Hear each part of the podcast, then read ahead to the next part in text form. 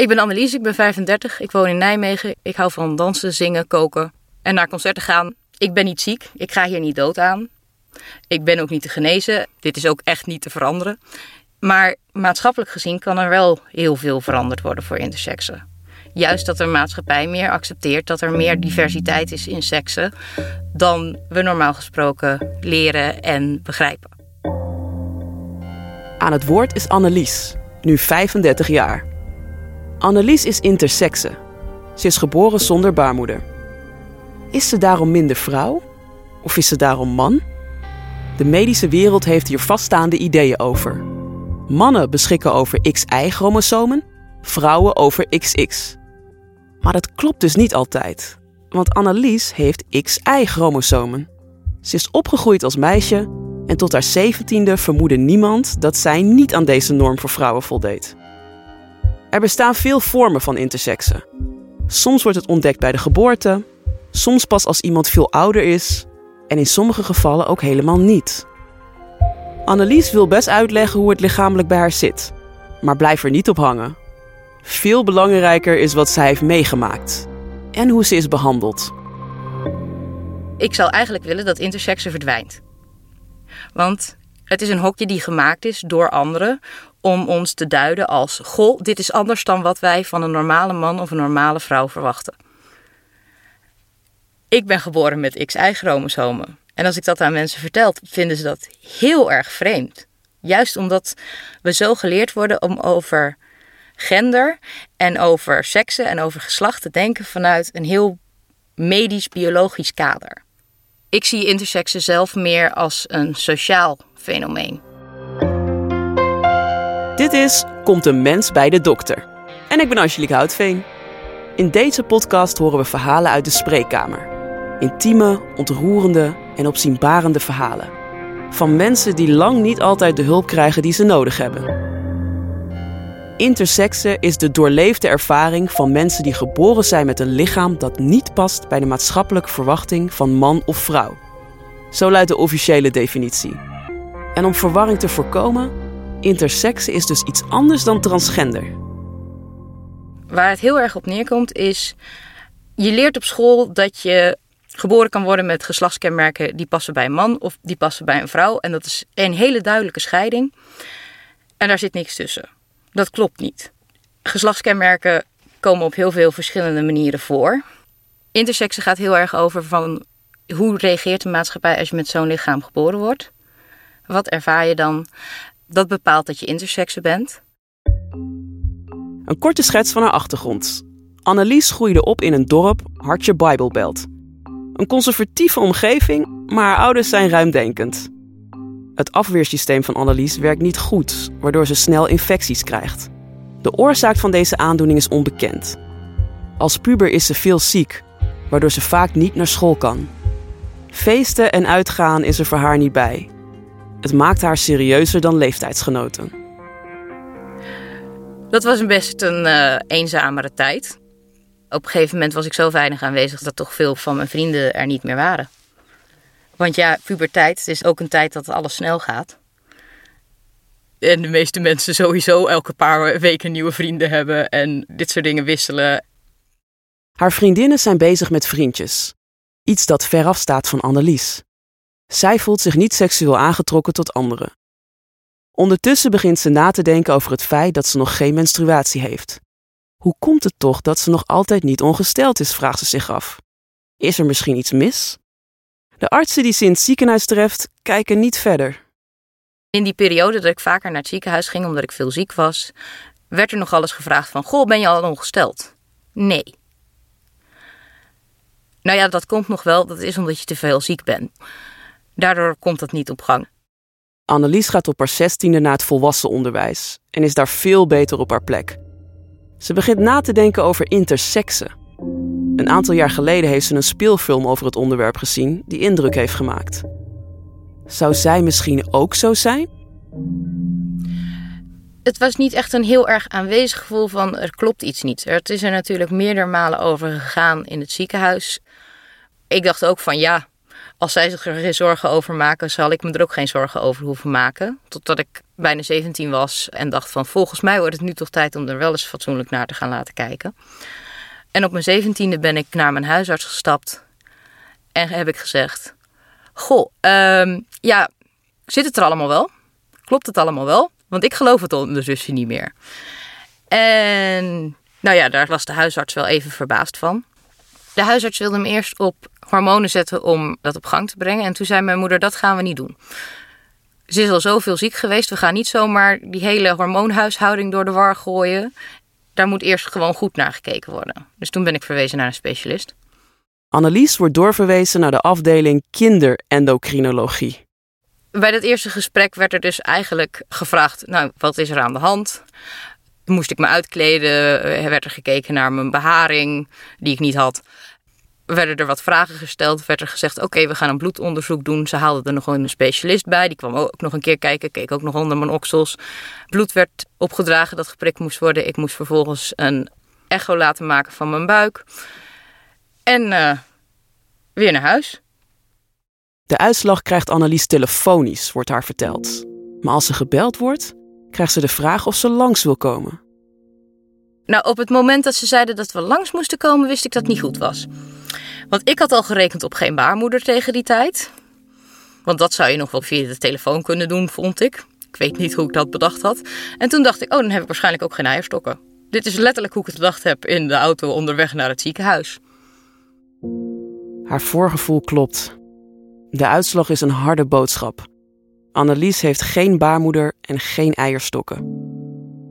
De arts tegenover haar doet erg haar best om goed uit te leggen wat intersexe is. Ze heeft het gesprek ingepland tijdens de lunchpauze, zodat er genoeg tijd is.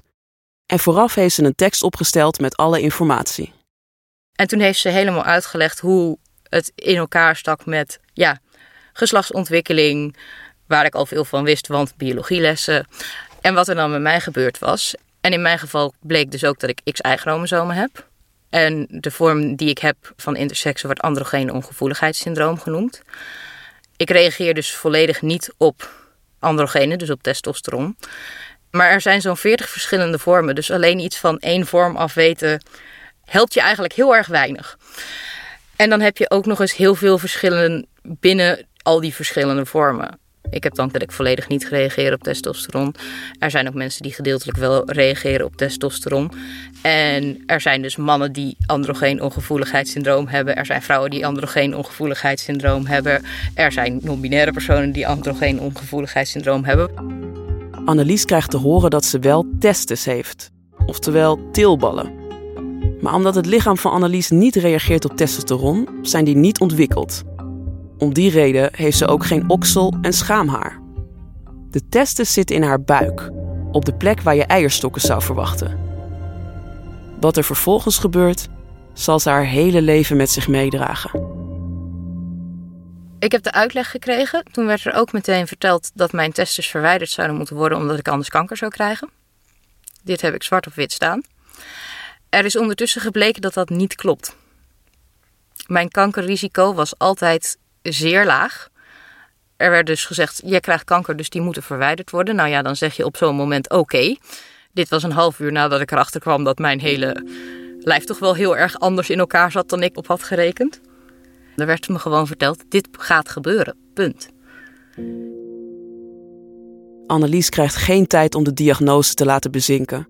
Ze moet zich meteen melden bij een kinderuroloog, waar ze op een kille, klinische manier behandeld wordt. Dat was een stuk minder plezierig dan de arts die zo vriendelijk rustig uitleg gaf. Die liet me uitkleden waar mijn ouders bij waren, ramde alle instrumenten op plaatsen waar je het nou niet zo plezierig vindt om instrumenten geramd te krijgen. Vertelde me dat hij de operatie ging uitvoeren en dat was het eigenlijk. Ik kon weer naar huis wat hem betreft. Alles wordt voor Annelies besloten, alsof er maar één weg is die bewandeld kan worden. Er wordt aan meegedeeld dat tijdens de operatie ook bekeken wordt of haar vagina wel groot genoeg is voor penetratie. Niemand vraagt of ze dat wel wil en daar behoefte aan heeft. Vervolgens krijgt ze een doorverwijzing naar een gespecialiseerde psycholoog. Nou, dat was heel raar. Vooral met die psycholoog heb ik een gesprek gehad. Die raadde me aan om er met niemand over te praten.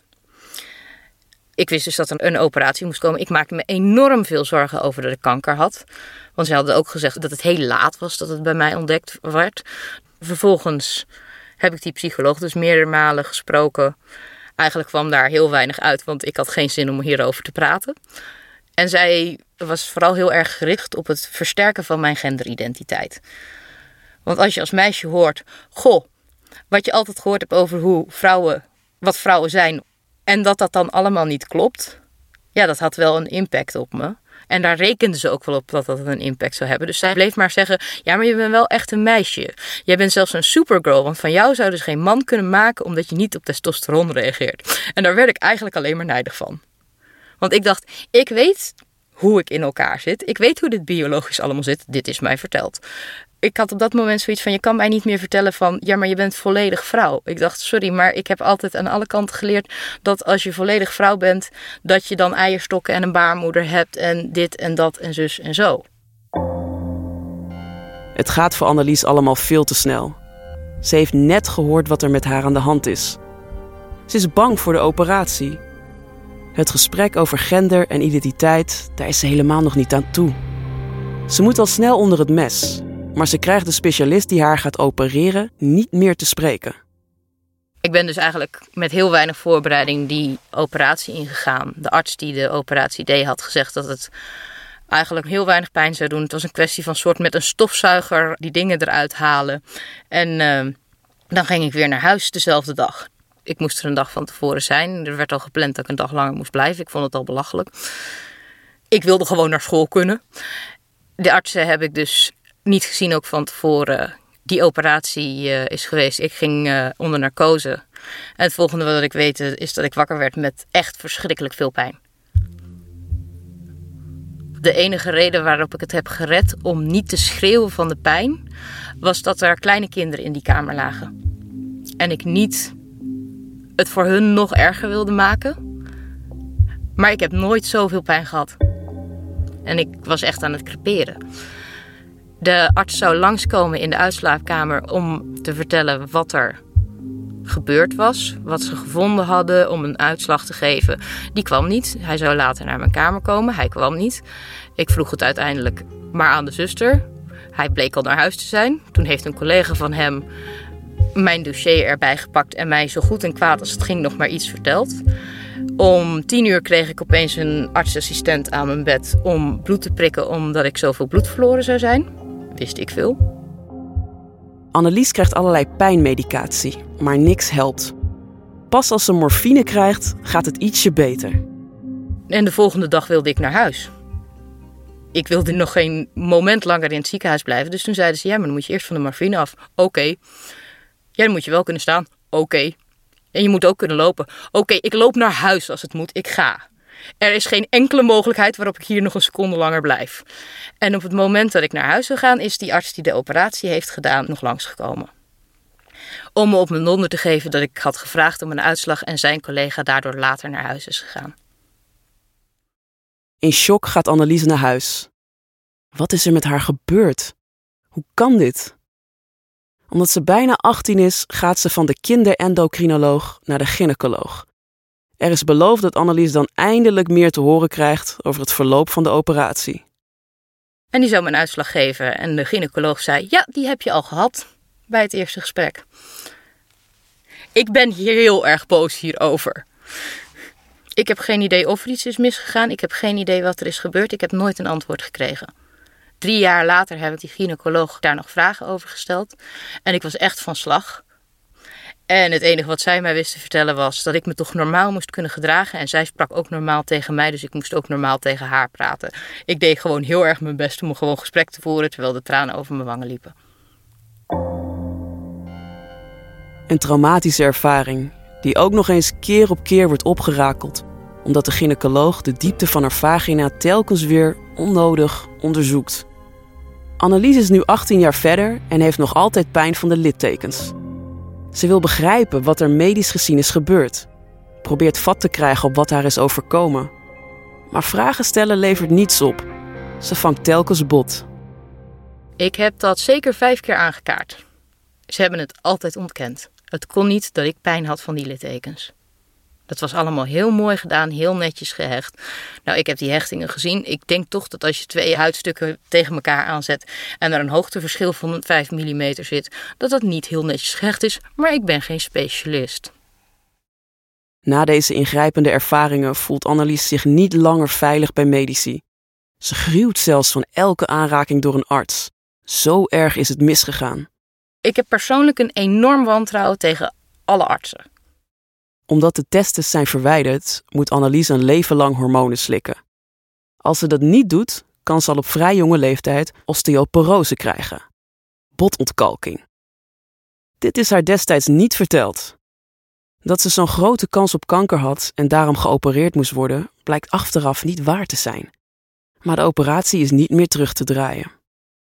Ten eerste had ik alle opties moeten kunnen bespreken. Ik had goed de tijd moeten hebben om te overwegen wat ik wilde en zelf die beslissing moeten kunnen nemen. Van hormoonbehandeling, maar ook van andere behandelingen. De hormoonbehandelingen zijn zwaar en hebben wisselend effect. Een tijd lang gaat het goed en lukt het haar om een leven op te bouwen. In die periode heb ik gestudeerd. Heb ik een onderzoeksmaster gedaan. Heb ik een tijdje in het buitenland gestudeerd. Heb ik gereisd. Mijn energie en mijn gezondheid was echt een heel stuk beter geworden in die periode. Behalve dat ik wel nog met een aantal stukken zat met verwerking van wat er was gebeurd. Wanneer haar hormoonpreparaat uit de handel wordt genomen, moet ze overstappen op een andere behandeling. Dit verstoort het wankele evenwicht. Al die tijd was ik steeds uh, depressiever aan het worden. En was ik heel erg moe. En dit was een periode die eigenlijk in mijn leven heel erg leuk had moeten zijn. Ik was net afgestudeerd. Ik had een echte baan die ik zo enorm graag wilde gekregen. Ik was net gaan samenwonen met mijn, ondertussen mijn ex. Allemaal hele leuke dingen. En die hormonen vielen weg en ik uh, viel eigenlijk in een enorm diep zwart gat. Annelies krijgt een zware depressie en raakt in een neerwaartse spiraal. Uiteindelijk zoekt ze psychologische hulp. Ik heb toen dus aangegeven van ik ben suicidaal. Ik had echt zoiets van, als ik nu niet ga praten, denk ik niet dat ik het nog een jaar red. Want ik had al twee jaar suicidaal rondgelopen. Ik dacht echt, ik haal mijn dertigste niet. Ze gaat in therapie bij meerdere psychologen. Ze krijgt ook groepstherapie. En EMDR, een intensieve traumabehandeling voor wat haar in het ziekenhuis is overkomen. Op het moment dat ik ging praten over wat daar gebeurd was, schrok iedereen. Dat ze echt dachten: hoe kan dit soort dingen gebeuren in Nederland? Na vier jaar intensieve therapie gaat het beter met Annelies. Nog altijd weten maar heel weinig mensen dat ze intersex is. Ze is er niet open over. Totdat tijdens de eerste Utrecht Kennel Pride een intersexenboot meevaart. Vrienden hebben een plekje over op de boot. Of Annelies mee wil. Ze stemt toe. Dit wordt haar coming-out, besluit ze. Met bibberende knieën laat ze een t-shirt maken met de opdruk intersectie. Ik vond het doodeng om hem aan te trekken al de avond van tevoren. Ik, ik heb hem aangedaan, naar die boot gegaan. Ik had nog mijn jas aan. Ik vond het doodeng om mijn jas uit te doen. En dan sta je daar tussen mensen, ik kende er heel veel wel in ieder geval een beetje, die echt geweldig zijn, die heel ruimdenkend zijn. En ik vond het nog steeds dood en doodeng. Nou ja, op een gegeven moment toch maar die jas uitgedaan. En toen ging op een gegeven moment de muziek aan en we gingen varen en toen werd het feest. En ja, toen was eigenlijk die spanning weg. En op dat moment voelde het gewoon echt alsof er een enorme last van mijn schouders was afgevallen. Alsof het echt bevrijding was. En toen dacht ik, en dan nemen we bij deze ook de volgende stap. Want ja, nu waren het wildvreemden, maar er zaten ook veel mensen toch wel in mijn persoonlijke kring die dit nog niet wisten. Dus ik heb een foto laten nemen van mezelf met dat shirt. Dat het echt duidelijk was dat het was en ik heb het op Facebook gezet. En toen dacht ik, en nu ben ik klaar. Nu weet iedereen het of kan iedereen het weten. En de wereld verging niet. LHBT, lesbische vrouwen, homomannen, bi- en transgender personen. Die begrippen krijgen steeds meer bekendheid. Maar de meeste mensen hebben nog nooit van intersexen gehoord. Dat is te merken aan de reacties op Facebook. Ja, vooral enthousiaste reacties en wat goed en wat tof. En eigenlijk ook verder heel veel mensen die er heel weinig boodschap denk ik aan hadden. Want bijna niemand weet wat intersexe is. Dus niemand reageert hier geschokt op. Ik kan dit midden op de dam schreeuwen, ik ben intersex. En iedereen denkt, ja leuk voor je, kan je nou even je mond dicht houden? Je verstoort de duiven. Mensen hebben geen idee wat het is over het algemeen. Nu zet Annelies zich actief in voor het verbeteren van de positie van intersexe personen in de maatschappij. Via haar werk ondersteunt ze organisaties in het buitenland die pleiten voor mensenrechten voor de intersexe gemeenschap bij de Verenigde Naties. Ze vertelt dit verhaal om meer begrip te creëren. Soms is het ook wel eens een beetje vermoeiend, want je bent constant aan het uitleggen nog steeds. Mensen weten, ik ben intersexe, ik praat daarover. Dus als ze vragen hebben, komen ze naar mij. Maar dat betekent soms ook dat je op een avond dat je gewoon lekker wil gaan stappen, opeens een uur voorlichting aan het geven bent over intersexe. Het gaat goed met Annelies. Ze is goed ingesteld op de hormoonmedicatie. Ze heeft net haar eerste huis gekocht en heeft fijne vrienden. Relaties heeft ze wel gehad, maar ze wil voorlopig single blijven. Nee, ik heb op het moment geen relatie. Een van de dingen die ik, zeker op het moment dat ik bezig ben gegaan met dat trauma verwerken, die ik moeilijk ben gaan vinden, is aanraking. Medische aanraking vind ik echt heel erg moeilijk. Maar ook gewoon qua die nabijheid is iets wat er op het moment niet in zit. Ik vind het soms echt al lastig als een vriendin me een knuffel geeft. En dan bedoel ik platonische relaties, vriendschappelijke relaties. Daarbij fysiek contact vind ik soms al moeilijk. De optie die ik daar anders voor heb is dronken zijn en dat is toch niet hoe ik mijn leven wil leiden. Mijn geduld is echt heel erg snel op voor dat soort dingen. Ik ben eigenlijk van nature heel erg lief en zorgzaam, maar dan denk ik, dit benauwt me, ik heb hier geen zin in. Laat me met rust. Ik mag nu voor mezelf zorgen en voor mezelf leven en ik heb geen behoefte om dat te veranderen.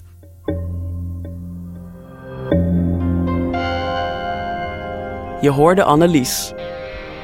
Meer weten over deze podcast? Kijk dan op komtemensbijdedokter.nl. Je vindt hier uitgebreide informatie over hoe je de zorg krijgt die je nodig hebt. Deze podcast is een initiatief van de Alliantie Gezondheidszorg op Maat. Mijn naam is Angelique Houtveen.